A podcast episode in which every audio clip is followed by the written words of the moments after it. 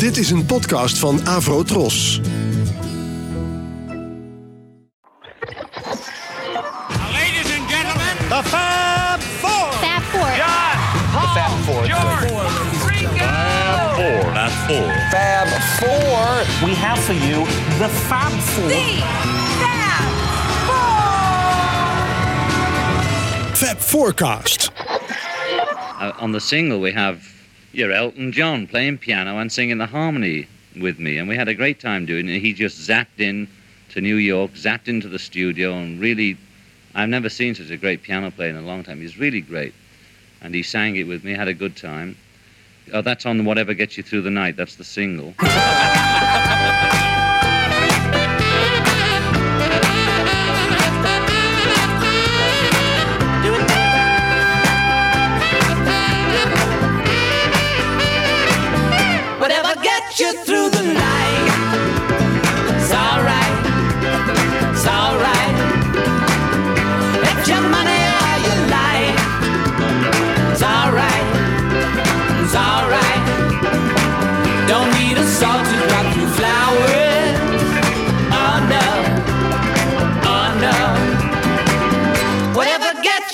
your life.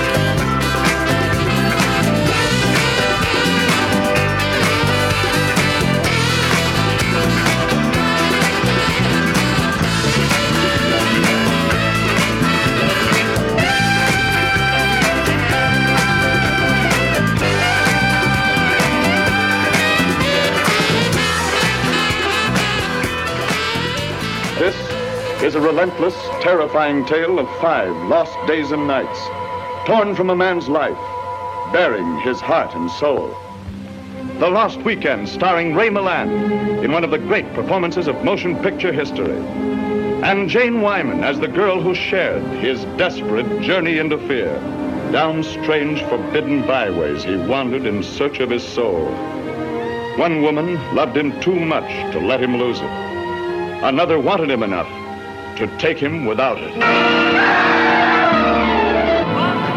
Fab Forecast. Welkom bij weer een nieuwe aflevering van Fab Forecast. We zitten ergens in de 20 met de shows. Ik ben het tel kwijt. En eh, mijn naam is Wiebo Dijks, maar ik ben een beetje de moderator van deze show. En ik zit hier met twee ontzettende Beatle-nerds. Daar zit er een. Jan Kees de- de- En Michiel Tjepkema. Yes, en mijn vaste companen hier.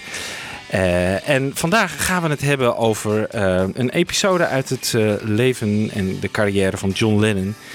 die bekend staat als The Lost Weekend. Ehm, Jan Kees, waar denk jij bij The Lost Weekend aan eigenlijk? Nu denk ik in één keer, dat is dus een naam van een film. Ik, Ja. ik meen zoiets gehoord te hebben aan het begin, hè? Dat klopt inderdaad, ja. ja. in mijn research voor deze show kwam ik erachter dat The Lost Weekend, dus dat Lennon die term eh, gebaseerd heeft op de titel van deze film. Een soort 50 jaar. eh, Ja, wat- 1945 komt deze film. Is, eh, 1945. geregisseerd door eh, Billy Wilder, die is wel bekend natuurlijk. Ja. Een legendarische regisseur.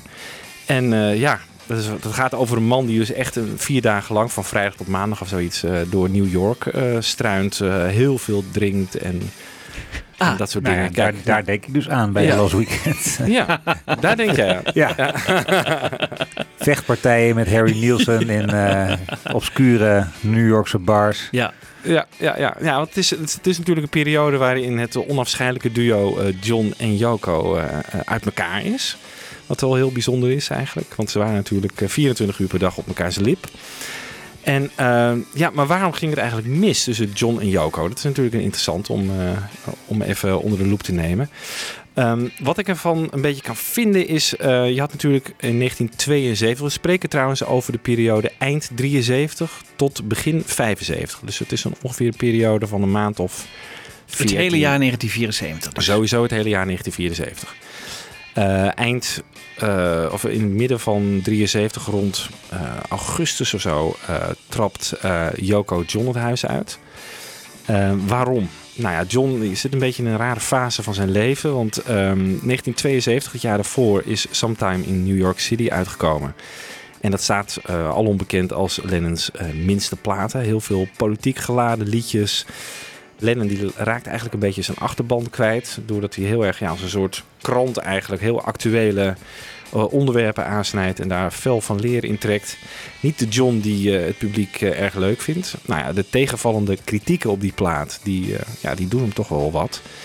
Ehm, verder zijn er de green card problemen. Hij eh, zit nog steeds eh, ja, tijdelijk in Amerika. En steeds zit die deportatie uit Amerika vanwege een drugsarrestatie in 1968. eh, ja, die hangt hem nog steeds boven het hoofd. Hij is paranoïde, denkt Joko. Want hij zegt dat hij dus afgeluisterd wordt door de Nixon-regering. Ehm, en er is natuurlijk ook in eh 72 tijdens de verkiezingsavond in november eh, dat Nixon herkozen is terwijl John en Yoko en hun gang van eh linkse radicalen eh, geprobeerd hebben om een campagne te voeren ja, om die Nixon niet meer herkozen te krijgen. Dat gebeurt weer wel. En die avond ja, pakt John dus op zo'n verkiezingsfeestje uit alle teleurstelling. en die wordt kwaad en die zet het op een zuipen. En die gaat dan gewoon met een andere vrouw neuken. Vreemd. Neuken, zeggen wij gewoon. Ja, enorm, Is dat die beroemde Yoko- scène onder die trap waarin Joko zit te wachten en hij met die dame Ja. daar Ja, verdwijnt? Klopt, ja. ja. Joko is er inderdaad gewoon in de kamer daarnaast bij. En die hoort het allemaal tekeer gaan daar. Enorme vernedering voor haar natuurlijk. En ja, Joko was natuurlijk ook wel een beetje bezig met haar eigen carrière. Ze de hele tijd in dienst gestaan van, eh, van John eigenlijk. En ze wilde niet langer de vrouw van zijn. Eh, ja, en Lennon heeft het later zelf ook wel gezegd. Het was onvermijdelijk eigenlijk dat de bom op een gegeven moment eh, ging barsten. En dat gebeurde dus in, in, eh, in augustus eh, eh, 1973. En die term Lost Weekend, is er nou iets wat hij zelf, een naam die hij er zelf aan gegeven heeft? Of die er in de popgeschiedenis gewoon aan is gegeven? Die heeft hij er zelf aangegeven. Ehm, want hij werd constant gevraagd naar die periode. Eh, want eigenlijk toch wel een beetje de meest interessante periode uit zijn solo carrière. Ehm, en toen heeft hij, om van al het gezeik af te zijn, eh, gezegd... Oh, het was een lost weekend. En heel veel mensen dachten ook dat het een weekend was. Maar het waren natuurlijk eh 14 maanden ongeveer. Ja. Een beetje lang, eh, lang weekend. Maar ja, hij noemt het zijn lost weekend. Maar eh, de vraag is wel een beetje, is het wel zo lost? Want is het eigenlijk een drank- en drugsfestijn van, eh, van de 14 maanden? Ik denk het eigenlijk niet, want hij is heel erg productief geweest in die periode. Eh, Mind Games komt uit. Eh, hij produceert voor Harry Nielsen. Hij eh, is bezig met zijn rock'n'roll plaat. Walls and Bridges komt uit. Hij werkt met andere artiesten samen. Heel erg productief volgens mij.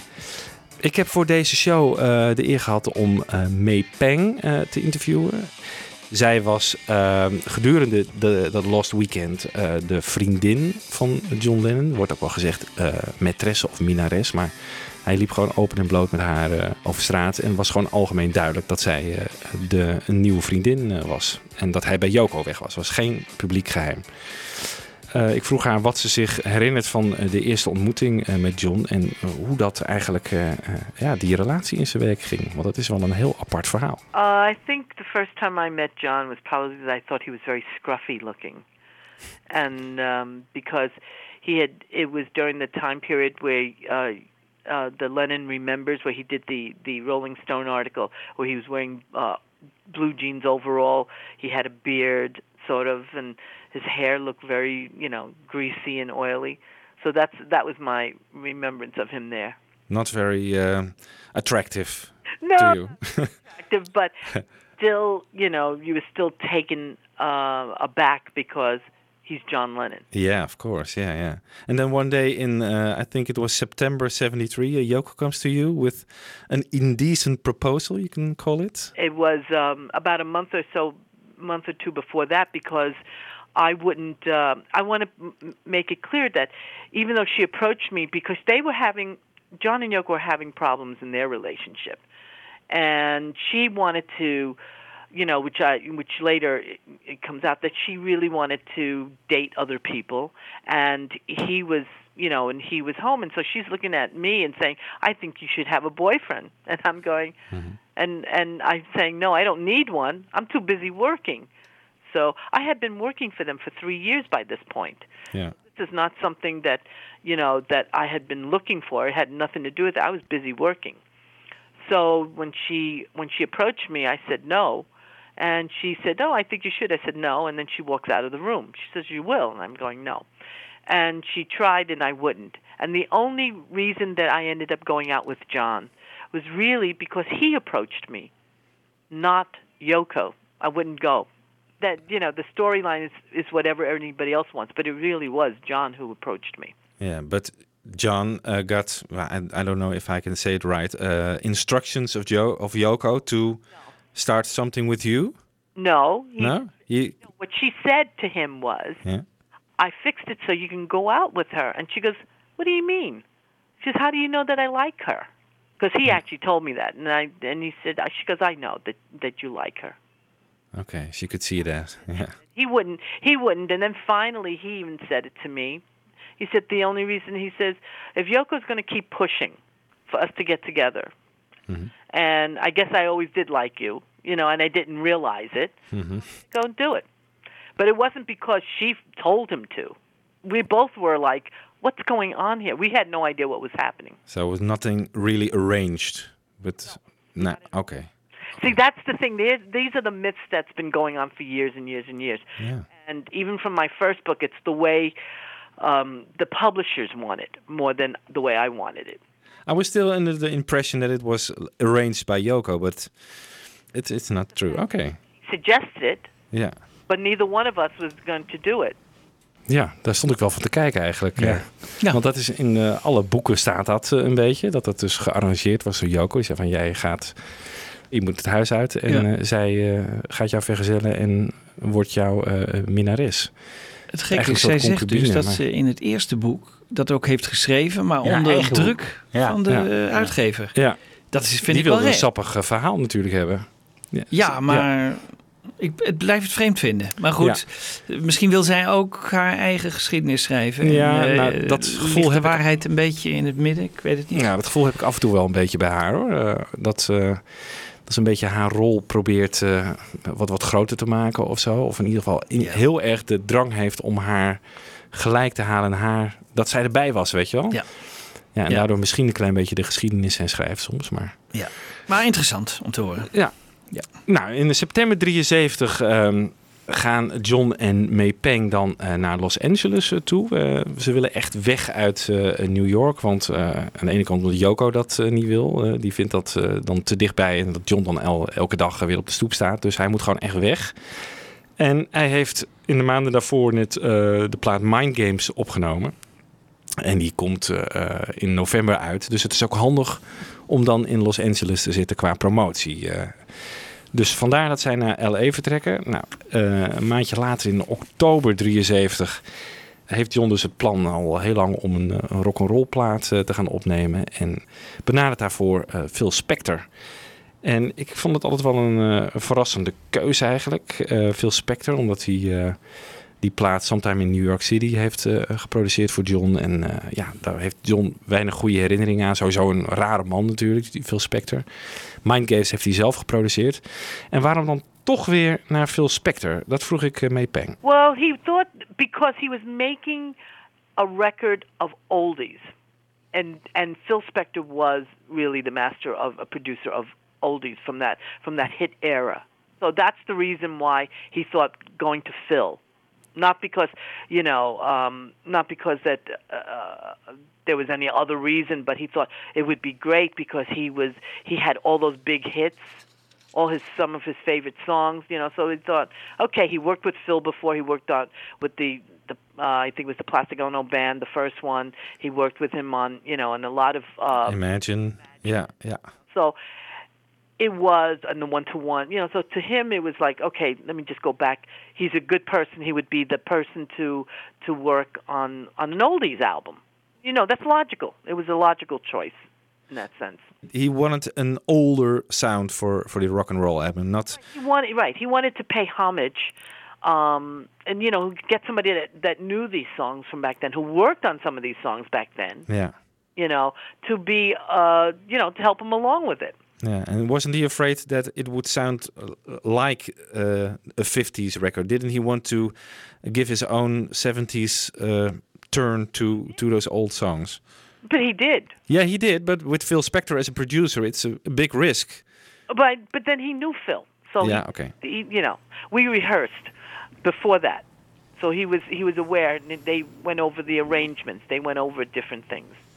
Ja, hij koos dus misschien toch voor zekerheid. Hè? Phil Spector was natuurlijk nog altijd een naam in die. eh, en, en, en hij dacht misschien, ja, f- 50s. Het is interessant. eh, ja. Hoe was eigenlijk dus de, dus de relatie met Phil Spector na Imagine? Want dat ging niet altijd geweldig, toch? Eh, Ja, Wat ik zei, hè, ze hebben Sometime in New York City natuurlijk. Die plaat na Imagine, die is ook door Phil Spector geproduceerd. ja. Maar hij dacht misschien, eh, Ja. 50s, dat is weer een heel iets anders. Dat kan die. Ja, het is eigenlijk nu... eh, Misschien weet hij het ook niet helemaal aan Phil Spector hoor, dat, die al, dat het album mislukt was. Het was natuurlijk ook de keuze van de songs, et cetera. Ja. ja, maar waarom die Mind Games dan opeens wel zelf gaat doen en Phil Spector buitenspel zet, dan, of het niet eens gevraagd heeft, dat, dat kan ook aan andere dingen gelegen hebben hoor, Ja. maar dat vind ik dan opvallend. Ja, dat is opvallend. Ik had het zelf denk ik niet gedaan, omdat Phil Spector, ja, ik, voor, voor mij is hij, hij is natuurlijk wel iemand die die sound van de jaren 50 met zijn Wall of Sound heeft eh, gekleurd, die oldies, maar dan zou ik juist denken van, dan wil je het naar het nu halen, zo'n oldies plaat. Zoals Paul ook een beetje met Run Devil Run heeft gedaan. En die neemt hij ook niet op met Sam Phillips of zo, Nee. weet je. Nee, maar Ja. hij kiest dus duidelijk voor die sound van de jaren 50. En dat zegt zij ook. Hè? Van Ja. Hij wilde graag iemand die, ze- die origineel ook Ja. aan die songs, aan sommige van die songs Ja. heeft gewerkt. Ja. Dus dan kan ik me wel voorstellen dat hij zegt van. eh, Hij wilde het een soort eerbetoon laten zijn, zegt en, zij. Ja. Ja. Ja, en dan, eh, dan, is, dan is het wel weer logisch dat je voor Phil Spector kiest. Ja. Maar het was niet alleen een eerbetoon, toch? Het was ook een financiële kwestie zat erachter. Hij moest nog een eh, rekening vereffenen met een zekere... eh, ja, Morris Le- Ja. Levy. Levi. Ja. Ja. Klopt, ja. Die, eh, hij had natuurlijk in Come Together de regel Here Come Old Flat Top. Ja. Dat is rechtstreeks gejat uit het nummer You Can't Catch Me van Ja. Chuck Berry. Ja. En dat zat weer eh, in, de, in de Morris Levy eh, eh, bedrijven. Die had zo'n zongrechtenbedrijf.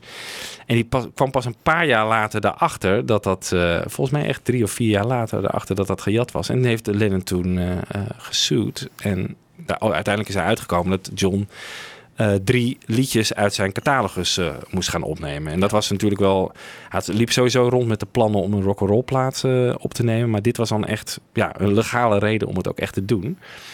Het, het gekke was hierbij overigens, vind ik altijd, dat Lennon werd gesued hè, en niet McCartney. Want het was gewoon een Lennon-McCartney. We weten allemaal dat het een Lennon-nummer was, maar het was een Lennon- en McCartney-nummer. Dus hij had even goed McCartney kunnen suen. Ja, dat is wel interessant. Ja. Ook hem nog eh, hè, kunnen, eraan kunnen houden. En van, eh, hey, eh, jullie hebben daar toch eh, een steek laten vallen. Ja. Maar dat is nooit gebeurd. Nee, nee. Maar volgens mij is het ook niet echt een rechtszaak geworden, toch? Nee, hij ze heeft gewoon een brief gestuurd van jongens, ja, Ze hebben precies. het onderhands. Maar ze hadden er een rechtszaak van kunnen maken Ja, natuurlijk. en dan, dan had elkaar niet ook gehangen, denk ik.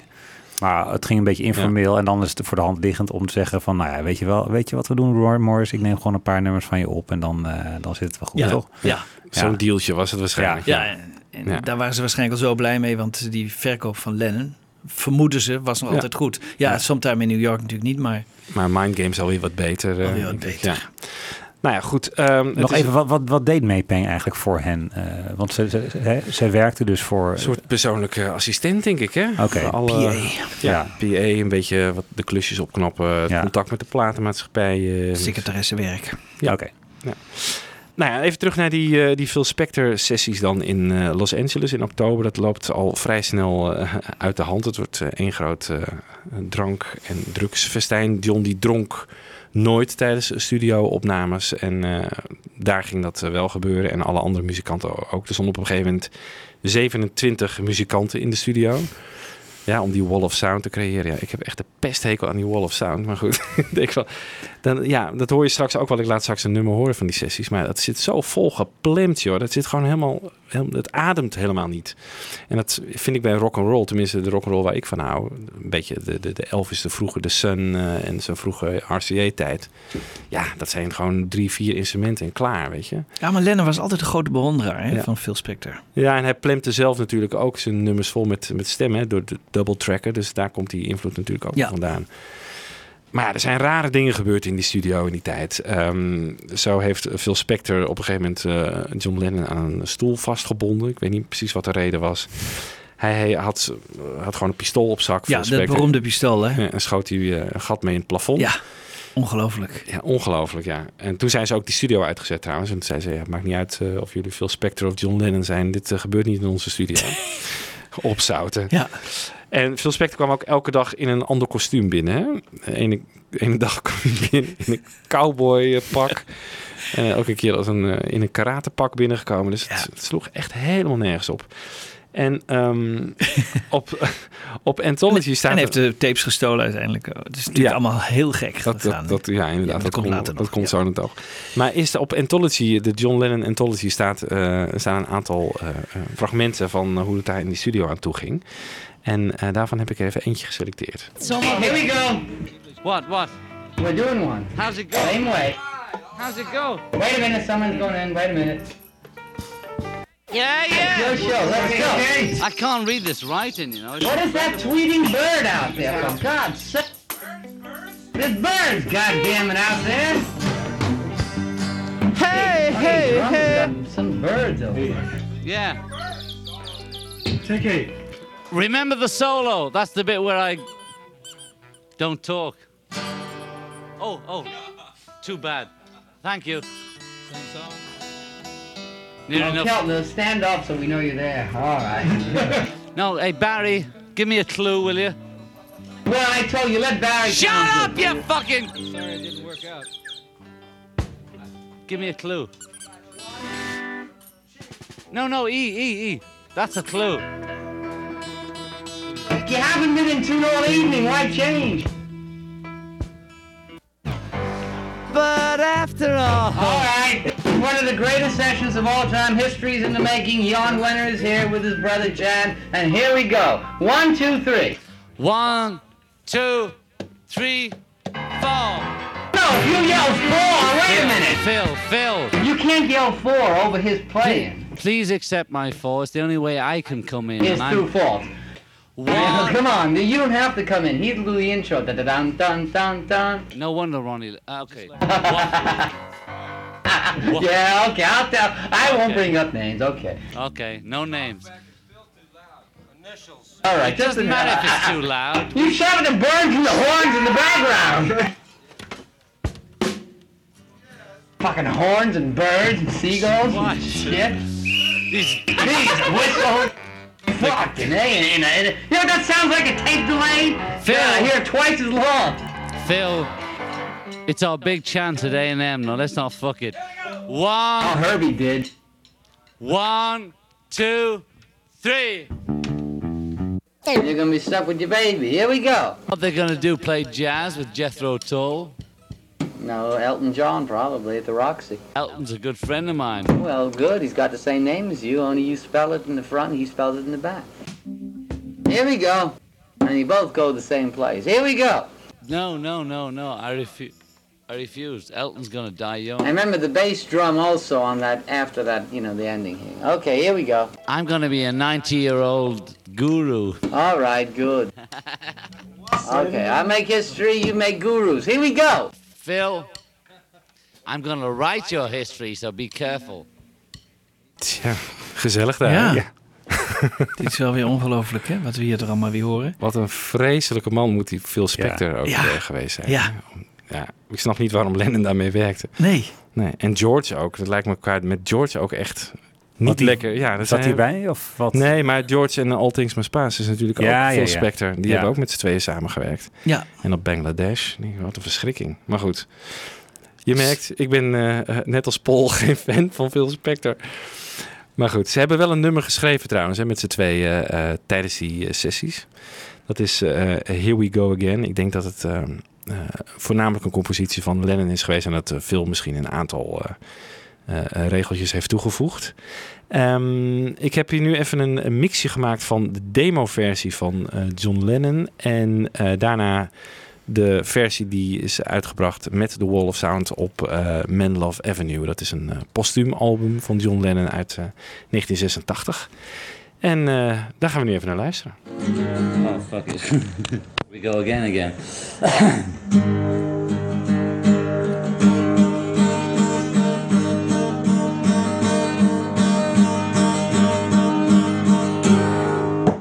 Here we go again. Here we go again and again. Wondering how it all began. Wondering will it ever end?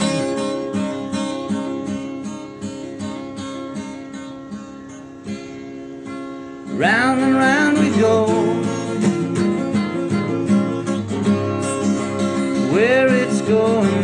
nobody knows. Though I know we've been this place before. Someone keeps on moving the door.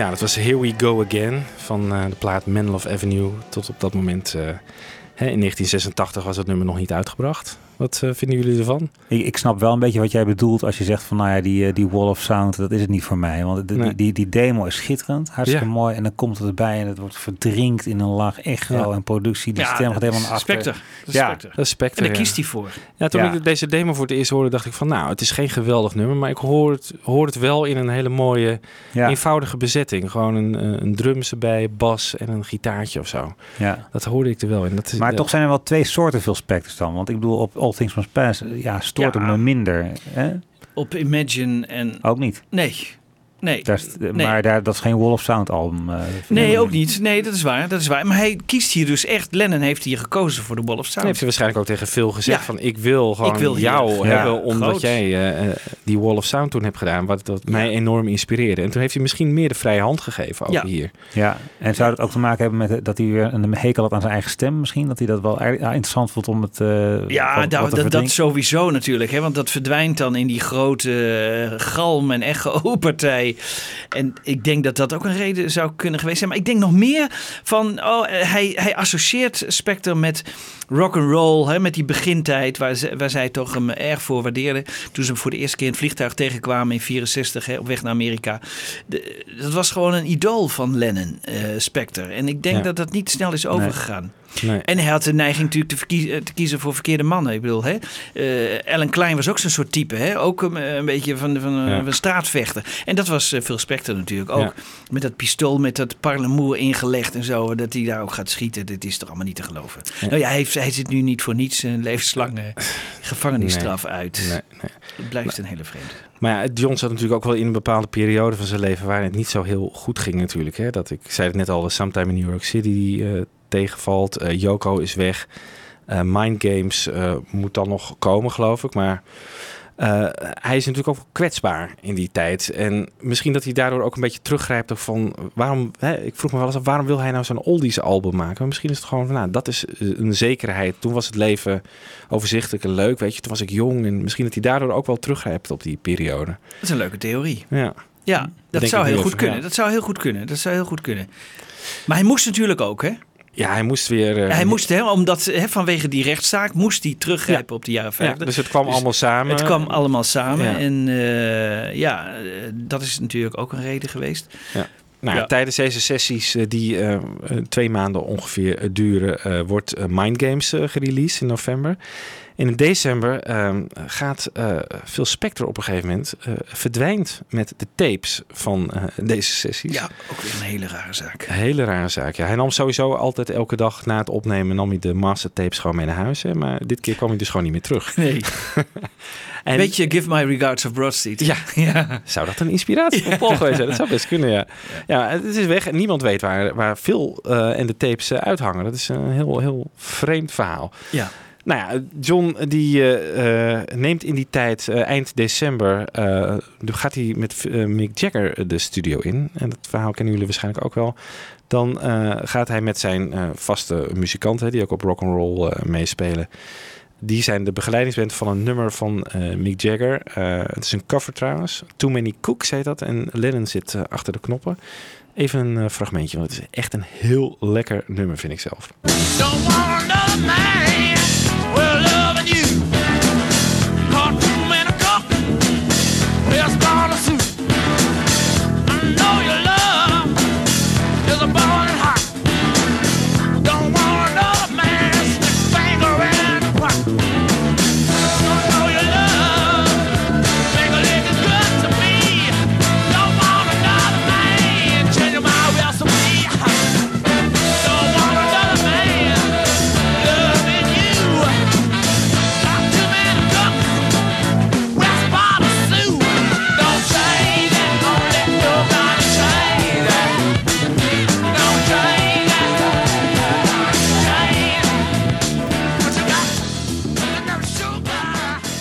Zo kan het dus ook. Ja. Ja. Is Lennon officieel de producer van dit Ja. nummer? Ja. Het gaat ook een beetje naar Wall of Sound. Hè? De, de galm ontbreekt nog, maar er zit, je hoort de achtergrondkoord, je hoort Ja, eh, blazers. zijn- ja. Het is bijna veel specter. Die muzikanten zijn er natuurlijk allemaal waarschijnlijk die 27 waar we het net over hadden. Ja, het maar zit nog dit, wel dit eh, had een single kunnen zijn ook, toch? Ja. Maar het is er nooit geweest. Eh, het is pas heel recent uitgebracht, toch? Ja, eh, 2007 als ik me niet vergis, op een verzamelalbum van Mick Jagger eh, solo. Ja. En al die tijd is het gewoon onuitgebracht gebleven.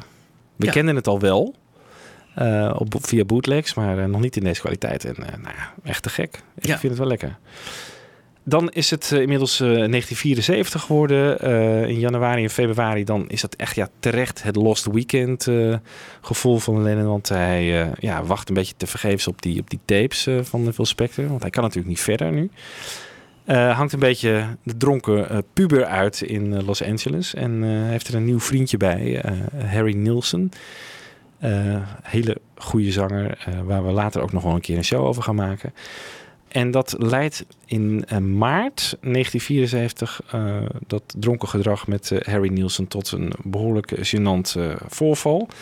En daar gaan de heren even wat over vertellen. Nou, het was bij de Smother Brothers. In de Troubadour hè, in eh, Los Angeles. In de, ja. in de Troubadour in Los Angeles. Wij hebben het ook net even opgezocht, maar het, het is natuurlijk weer een heel vreemd geval. Ik, eh, ehm, wat we ervan weten is dat hij in de zaal zat en eh, behoorlijk dronken was. En eh, die eigenlijk hun, hele show ging verstieren door hard te gaan zitten schreeuwen naar die Smother Brothers. En die, die, die, hij gaf reacties erop. Mensen vonden dat ook heel gênant en vreselijk. En ze keken allemaal heel kwaad naar. En naar hem. Het verbaast mij overigens dat ook hier May Peng in, gewoon in meeging. Hè? Die eh, heeft daar dus geen invloed op John gezegd van John, doe eens rustig aan of laten we hier weggaan. Of, nee, tenminste, daar lezen we nooit wat over. Dat, dat verbaast mij wel. En ik denk dat ze niet tegen John opkomen in dat soort. Zeker niet tegen een dronken John. Nee, Want die dat- was ook agressief. En, eh, Ja, die kon behoorlijk Ja. agressief zijn. Maar dit is toch een... Ja, ja en, maar het was niet het eerste, voor het eerste keer dat hij de raar gedrag vertoonde in die Troubadour. Want een maand eerder had hij dus met een, eh, een ja, soort eh, een stuk maandverband op zijn hoofd een, eh, een, een show van Ann Peebles eh, verstoord. Ja. En gevraagd van, eh, do you know who I am? Vroeg hij aan M. Yes. Of, toen zei de, de, een van de eh, bedienden zei van, you're some asshole with a cotex on your head. Ja, dat is Dus alleen maar aan het klooien. Ja, maar het, het, was, het is niet alleen typerend voor ja, hoe hij dus destijds was, maar het, het, het, het, leverde hem ook een hele slechte pers op. Hè? Er waren Ja. heel veel artiesten, ik kan me tot Rundgren her- herinneren, maar ook Oh, ja. Jagger, die ging ze allemaal heel laatdunkend uitlaten Ja, ja, over ja. dit soort ja, idioot, idioot gedrag van eh, verwende popsterren met, met geld te veel Ja. en eh, die alleen maar een beetje lastig gaan zitten doen. Eh, Ik bedoel, ga doen waar je goed in bent. Ja. hè? Ja, Ja. want dat Troubadour-incident eh, dat hij eruit gegooid is, eh, daar stonden ook gewoon fotografen toen op de stoep. Hij is Ja. gewoon letterlijk eruit gegooid, bril eh, werd afgeslagen of zo. Hij is gewoon Ja. hardhandig uitgewerkt. ja. En dat kwam gewoon in alle kranten. Ja. Maar dit gedrag kennen we toch niet echt van Lennon. We weten, een beetje Hamburg, hè, dat kon hij wel, hè, met, een, een wc-bril om zijn, om daar zijn is het nek. ook wel gebeurd. En dan piste hij naar beneden Ja. en zo. Maar daarna heeft hij zich misschien toch, oh, misschien onder Brian Epstein. Redelijk eh, gedragen. En Ja. eh, we kunnen uit die Beatle-tijd toch niet van dit soort misdragingen herinneren. Of, Ja, Bob Nee, Wooler alleen, hè? ja, en Bob Wooler heeft hij een... eh, ja, dat was de laatste keer eigenlijk. Hè, op de verjaardag van Paul McCartney op de 21ste. Dat hij hem een blauwe oog eh, sloeg. Maar goed, toen werd hij ook uitgedaagd hè, met een opmerking. Ja. Dus eh, ja, misschien was dit een uitlaatklep. Ik, ik weet niet wa- wat, waar dit gedrag vandaan kwam. Nou, je moet je ook voorstellen, natuurlijk, hij is natuurlijk heel erg jong al eh, een Beatle geworden. eh, en, en misschien eigenlijk wel een deel van een soort eh, volwassenwordingsproces gemist, wat normale mensen wel hebben. En hier is hij eigenlijk een beetje gewoon, eh, ja, in, de, in het Engels zeggen ze off the leash, weet je wel? Gewoon Ja, vrijgelaten. Joko heeft geen invloed meer op hem, maar hij is eigenlijk gewoon helemaal vrij en kan en dingen mislukken en eh, eh, hij voelt zich niet lekker. Hij gaat gewoon Ja. de echte puber uit, een soort puberteit inhalen of zo. ja maar dit staat Maar dan zo- met de wereldpers op zijn op zijn neus. Ja, maar het staat zo in contrast met de Lennon van enkele jaren daarna. Hè, de rustige huisvader die eh, kookt en bakt en voor het kind zorgt. En eigenlijk totaal eh, contrasterend met hoe hij zich daar gedroeg. En wat is nou de echte Lennon? Is dat die Lennon die als huisvader daar was? Of is dit de Lennon die daar eh, de beest uit hing in Ja. Los Angeles? Ja, volgens mij heeft hij het ook wel een beetje geprobeerd uiteindelijk ten goede te keren. Door te zeggen van, nou ja, eh, volgens mij heeft hij tegen Harry Nielsen een dag daarna gezegd van, ja, jij bent niet degene die op alle voorpagina's staat met je slechte pers, maar dat ben ik wel. We moeten gewoon weer Ja. wat anders gaan doen. Hè? We, moeten, we moeten weer productief gaan doen Ja, en eh, gewoon een plaat gaan maken. En, en, en dan komt Pussycats daar al Ja, dat is de start van de Pussycats in diezelfde maand inderdaad. Dat is ook een soort... eh, want John wil inderdaad focus eh, hebben en zich nuttig maken. Want, eh, en hij wil niet meer wachten op die verdwenen tapes die, waar hij al twee maanden op wacht van Phil Spector. Dus hij wil gewoon echt weer aan het werk. Ja. Nog Ehm, even over dat, eh, dat rockster gedrag. Want eh, vorig jaar was ook in het nieuws dat hij een of andere brief schreef aan Phil Spector over eh, dat Harry Nielsen eh, de recording console, dus zeg maar de, de, de opname... De mixagetafel. Ja, had ondergepist. Hè? Oh ja. dat, eh, Ja. ja. Ja. Een brief aan Phil Spector van even voor duidelijkheid. Harry en Keith Moon hebben die, die, die eh, opnameapparatuur ondergepist. Ik was het niet. May Pang was het ook niet. Wij hoeven de rekening niet te krijgen. En ik hoop dat het verder goed is. eh, dat het goed komt. Geweldig, grappig, ja. Hij was wel goed in excuus maken. Want ik geloof dat hij naar de Smothers Brothers later ook meteen een brief heeft gestuurd. Want, Oh, eh, hè, dus, eh, Ja. Of een bloemetje. En eh, dat, Ja. hij had wel door dat het niet helemaal... Ja, na die uitspraak over Jezus en zo was hij Ja. er ook. Hè? Hij was degene die ah, Ja. alle excuses zo. En, ja. daar was hij wel goed in. Nou ja, hij gaat een Pussycats eh, Dat is het, eh, het nieuwe album van eh, Harry Nielsen dan. Ehm, eigenlijk een beetje een vreemd uh, allegaatje ook weer, dat album. Dus ook met wat, wat oldies erop en zo. Hoe, eh, hoe zat dat eigenlijk met dat album? John die, eh, heeft daar zelf iets over te zeggen. This odd album by John Lennon and Harry Nielsen having a fit in LA, yes. Well, uh, I was in the middle of the Spectre album, which is, some of you'll know what it is. I was making oldies but goldies al- album with Spectre, and, and he had a few ac- car accidents, and was that was the end of that for a bit. Will it happen, that record? Uh, I have nine tracks which Phil sent me three days before I went in the studio to make Walls and Bridges out soon. and so I couldn't do it you know, I was waiting and waiting for months and I was just sort of hanging around with Harry and Nielsen and people in LA and just getting into trouble and whenever we got into trouble it was my name in the paper so I thought, you know, forget this, you know, every time we go out for the night I end up in the paper. so you know, I said to Harry one hangover morning, what are we doing, man? We're wasting our time here. We may as well put all this energy into work. And I knew he was going to make an album. I didn't feel like starting a new one because I had one half finished. So I said, look, I'll, I'll produce you, which means I'll sit in, in the desk, behind the desk and make sure they get the drums on, you know, and things like that, and keep them together as they take off.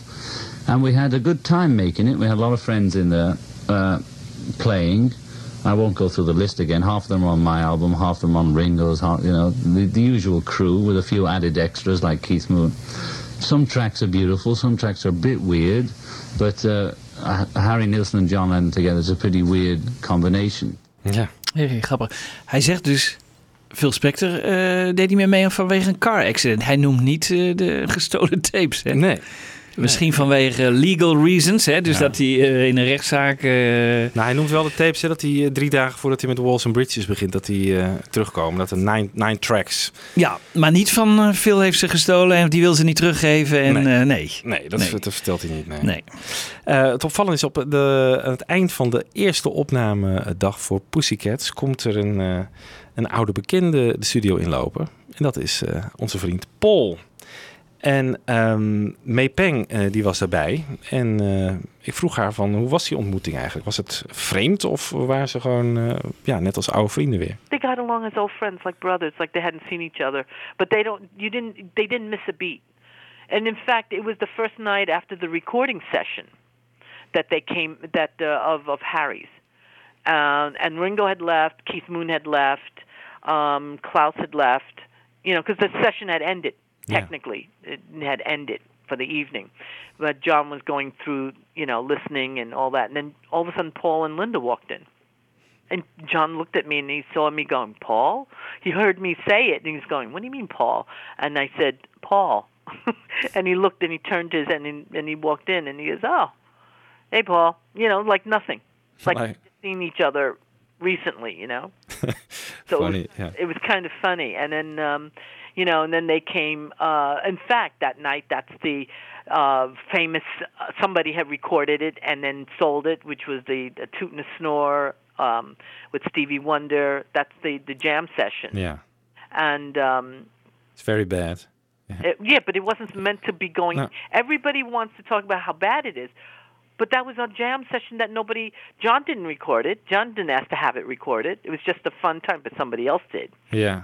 So and then you know, and um, that was it. It was just a it was a release from the from after the session, and in actuality, I actually played tambourines with Mal Evans, so I'm one of the last people that actually jammed with them. wow. So Linda's playing Hammond, uh, you know, the Hammond organ. Yeah. I'm I'm playing tambourines. Mal's playing tambourines. I mean, you know, um, outside of Paul and myself, um, and maybe one other person, I'm trying to think. You know, that's Maybe uh, Jesse Ed Davis was he there or who. Jesse Ed Davis was He- he there? Yeah, he's gone. He was the one. Apparently, I found out from somebody that told me that he was the one that sold the tapes. Oh, really? oh my God. So that's why. He needed the money, I think. Yeah. Uh, yeah, he might be. Yeah. just saying that that's the, that's what I found out from uh, people of who who like bootlegs, and they finally said, yeah, it was Jesse. And I said, oh, because I didn't know who it was. Hm. How these tapes got out because, and I didn't even know they were recorded. Ja, ze heeft het dus over die bootleg, hè? Toet en de snor. Ja. Dus dat die kennen wij wel. eh. Het grappige is, het verhaal gaat altijd dat het van haar kwam, hè, die tapes. Ah, ja. kijk. En eh, ze probeert haar eh, straatje nu heel schoon te vegen. Maar eh, Ja, het kan dus natuurlijk best zijn dat het niet zo is. Maar het verhaal ging altijd dat die tapes uiteindelijk van haar eh, afkomstig waren. Oké. Ja. Zij zegt dus dat de gitaristen... Jess Ed Davids, ja, dat die... eh, ja, maar dat lijkt me toch sterk, want dan, dat is een side person. Ja, die had wel een, eh, een drugsprobleem ook, hè? Drugsverslaving. Dus ja, wie weet. Ja, Ik ja, weet niet hoe geld John hem- nodig. ja, John bet- eh, hoe John hem betaalde. Maar het kan best zijn dat hij hier een flinke snuif aan verdiend heeft. Ja, nou ja, we zijn in ieder geval blij dat het uitgebracht is om te horen dat het helemaal niks is. Want anders had je altijd gehad van achteraf, oh, hè, de Ja. laatste keer dat John en Paul met elkaar speelden, Ja. dat moet iets geweest zijn. Ja, ze zeggen wel dat het niks was, maar we hadden het toch graag gehoord. En, Nou, eh, nou, We gaan, laten we even beoordelen, want ik heb hier een eh, klein stukje Lucille van die sessies. En daarachter aangeplakt een mix van eh, Mucho Mungo. Dat is een nummer dat John schreef voor de plaat Pussycats van Harry Nielsen. En ehm, achter die demo van John heb ik eh, de versie van Harry Nielsen geplakt. Dus eerst even een fragmentje Lucille en daarna Mucho Mungo.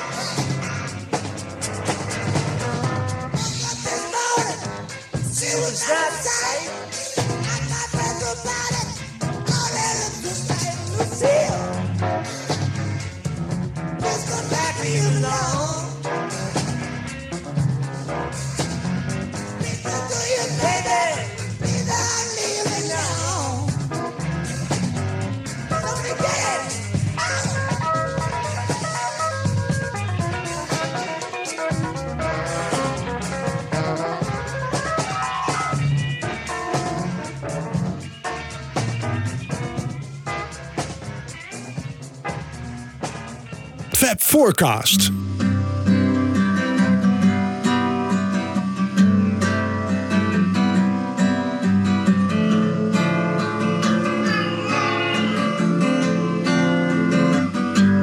Mucho mango,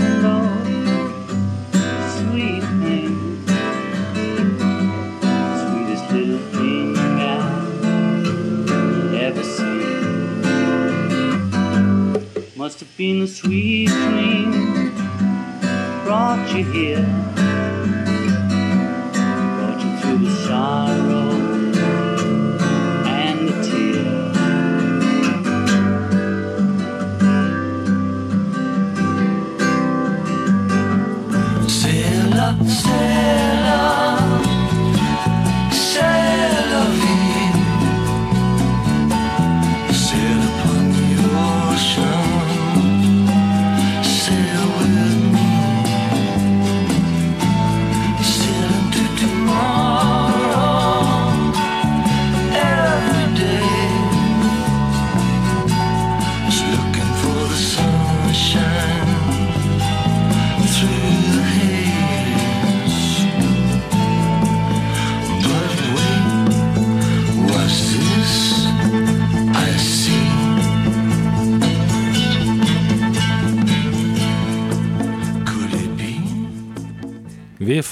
Hè, eigenlijk. Ja.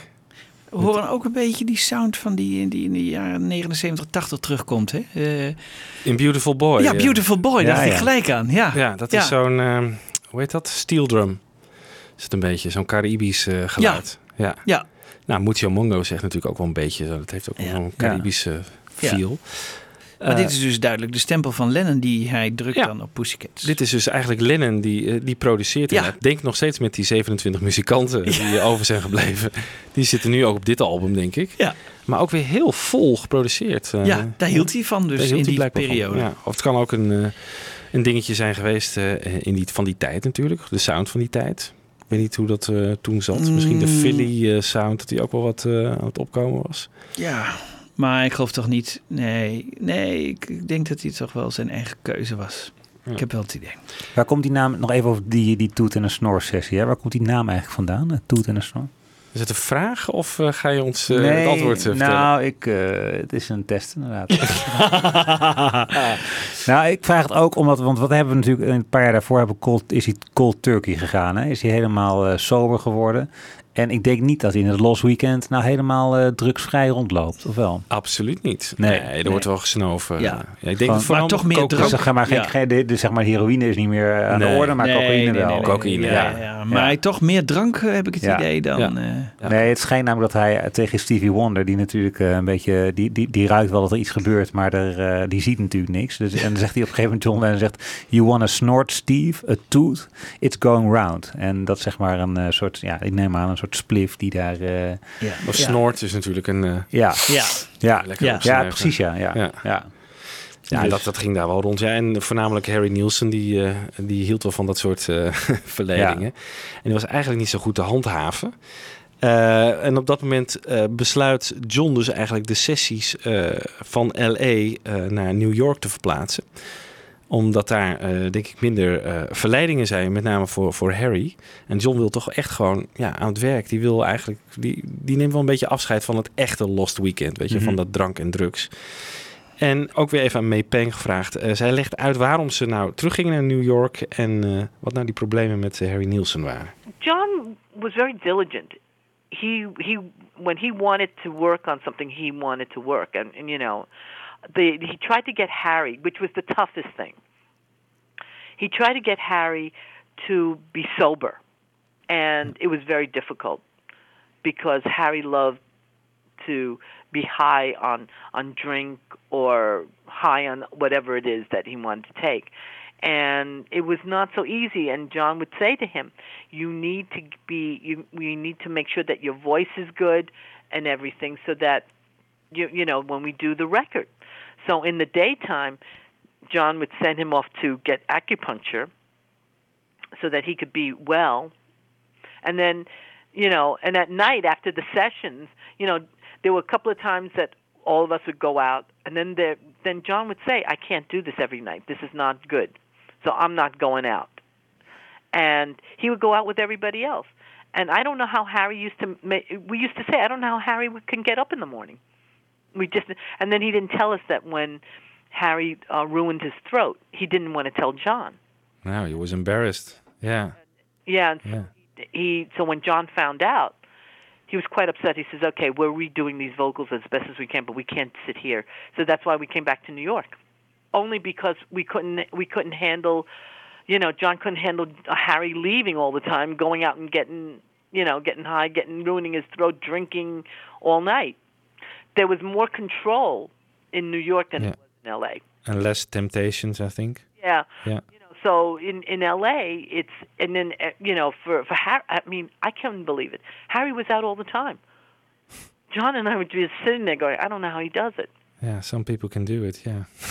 and it Yeah. you know and it was it wasn't and you know John tried like I said you know he didn't want to disappoint John, so he would go to the acupuncture during the day. I don't know how he got there, you know. Out all night, so he's on, you know, and he gets his ac- and he didn't miss he didn't miss a meet, you know, the the appointments, and he would go, and then, but you could tell the rawness of his voice, and then he wouldn't tell us, and then we found out that he was that he ruined his throat. Yeah. It never recovered, right? Not really the way it should have been. No. It's such a beautiful voice, an angelic voice, yeah. Uh, so John was quite upset about it, and so he said, so we came back to New York earlier than expected. Dat was dus de reden dat ze teruggingen naar eh, New York. En wat is nou precies het verhaal achter de, die Harry die eh, zijn stem helemaal vernietigt? Wat, wat, eh, wat is er gebeurd? Volgens mij hebben eh, hij en John op een gegeven moment ook, waren ze ook weer dronken, eh, keihard lopen schreeuwen een hele nacht eh, lang. Ik weet niet, eh, op straat of ergens in een club of zo. En toen is er dus gewoon, op een gegeven moment kwam er bloed uit de keel van Wow. Harry Nielsen. En die heeft dus echt gewoon zijn stem kapot geschreeuwd in een dronken bui. Ja, zonde man, want die man had Ja, zo'n mooie stem. ongelooflijk mooie Ja. stem. Ja. Ongelooflijk mooi. Ja, die is Ja. dus daar kapot gegaan. Ja, is nooit meer hersteld, hè? Nee. Nee, daar hebben jullie het ook over. Ja. Ja, ja. Wow. Dus op Pussycats hoor je hem in zijn nieuwe, Nieuwe maar, zijn stem. nieuwe stemgeluid. Ja. Dus een eh, nieuwe stem. Ja. Ja.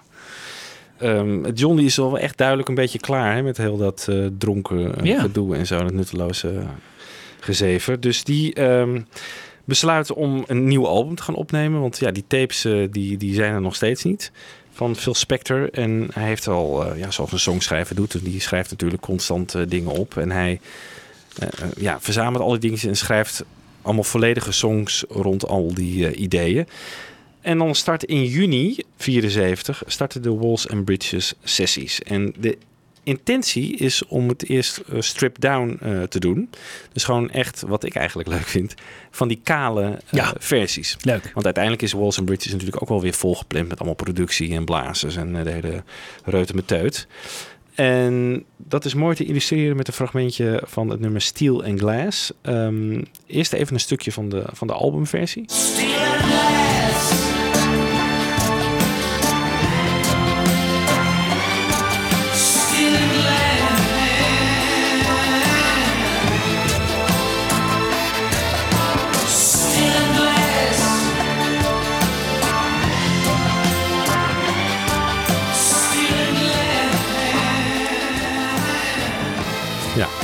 zit eh, redelijk vol. Ja. Je hoort ook dat eh strijkertje uit eh How Do You Sleep, hè? Ja. je dat op? Ja. Ja, het is een soort How Do You Sleep deel 2, maar dan ging, schijnt het over Ellen Klein Oh. gegaan te, te zijn. There you stand with your LA 10, weet je met zijn gebruinde kop. En your Ja. New York walk and your New York talk. Hij kwam natuurlijk in New York. En daarom was ik heel erg blij met Man Love Avenue. Want dat eh, plaat leerde ik pas later kennen. Hij kwam in 86 uit, had ik al gezegd. En daar staat op kant B...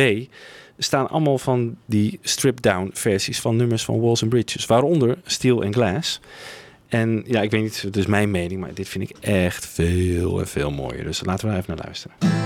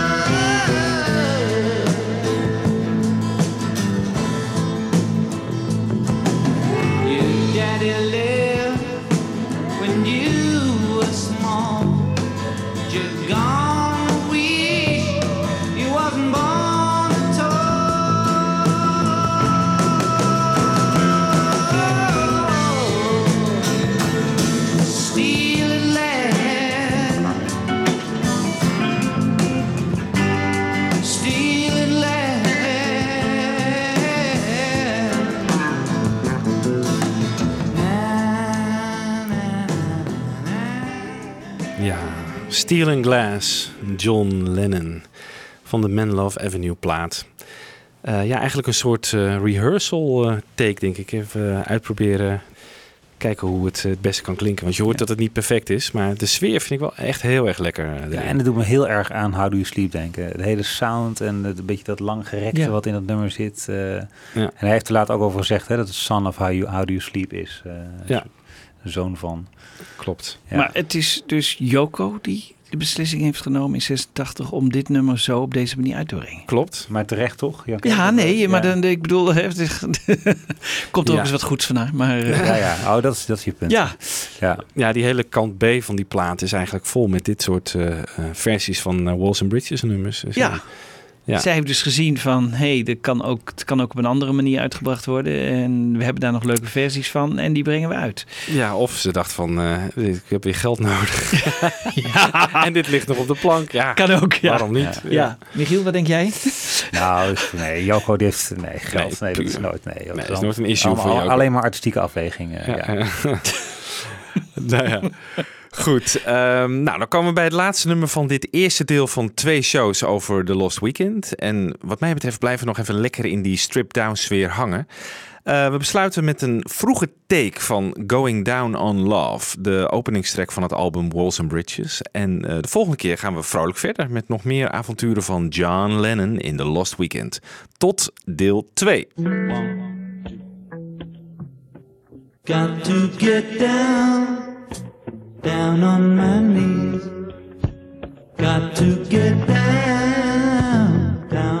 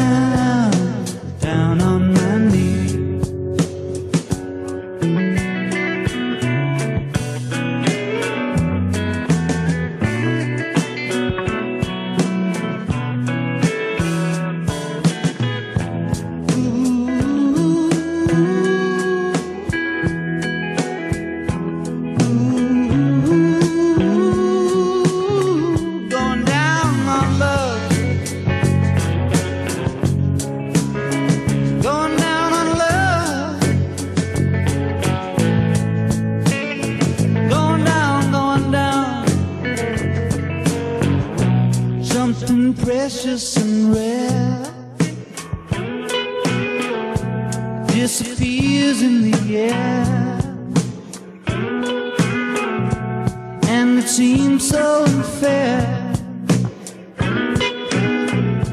Nothing doing.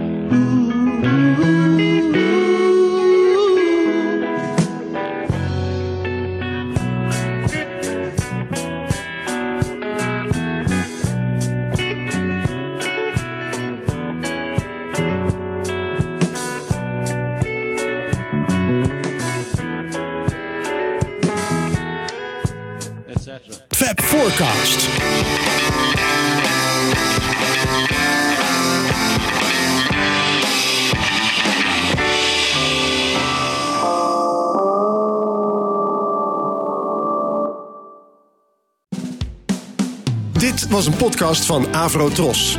Wij maken tientallen podcasts per week. Van klassiek tot pop, van actueel tot archief, van reguliere radioshows tot speciaal voor podcast gemaakte programma's. Kijk voor meer podcasts op avrotros.nl.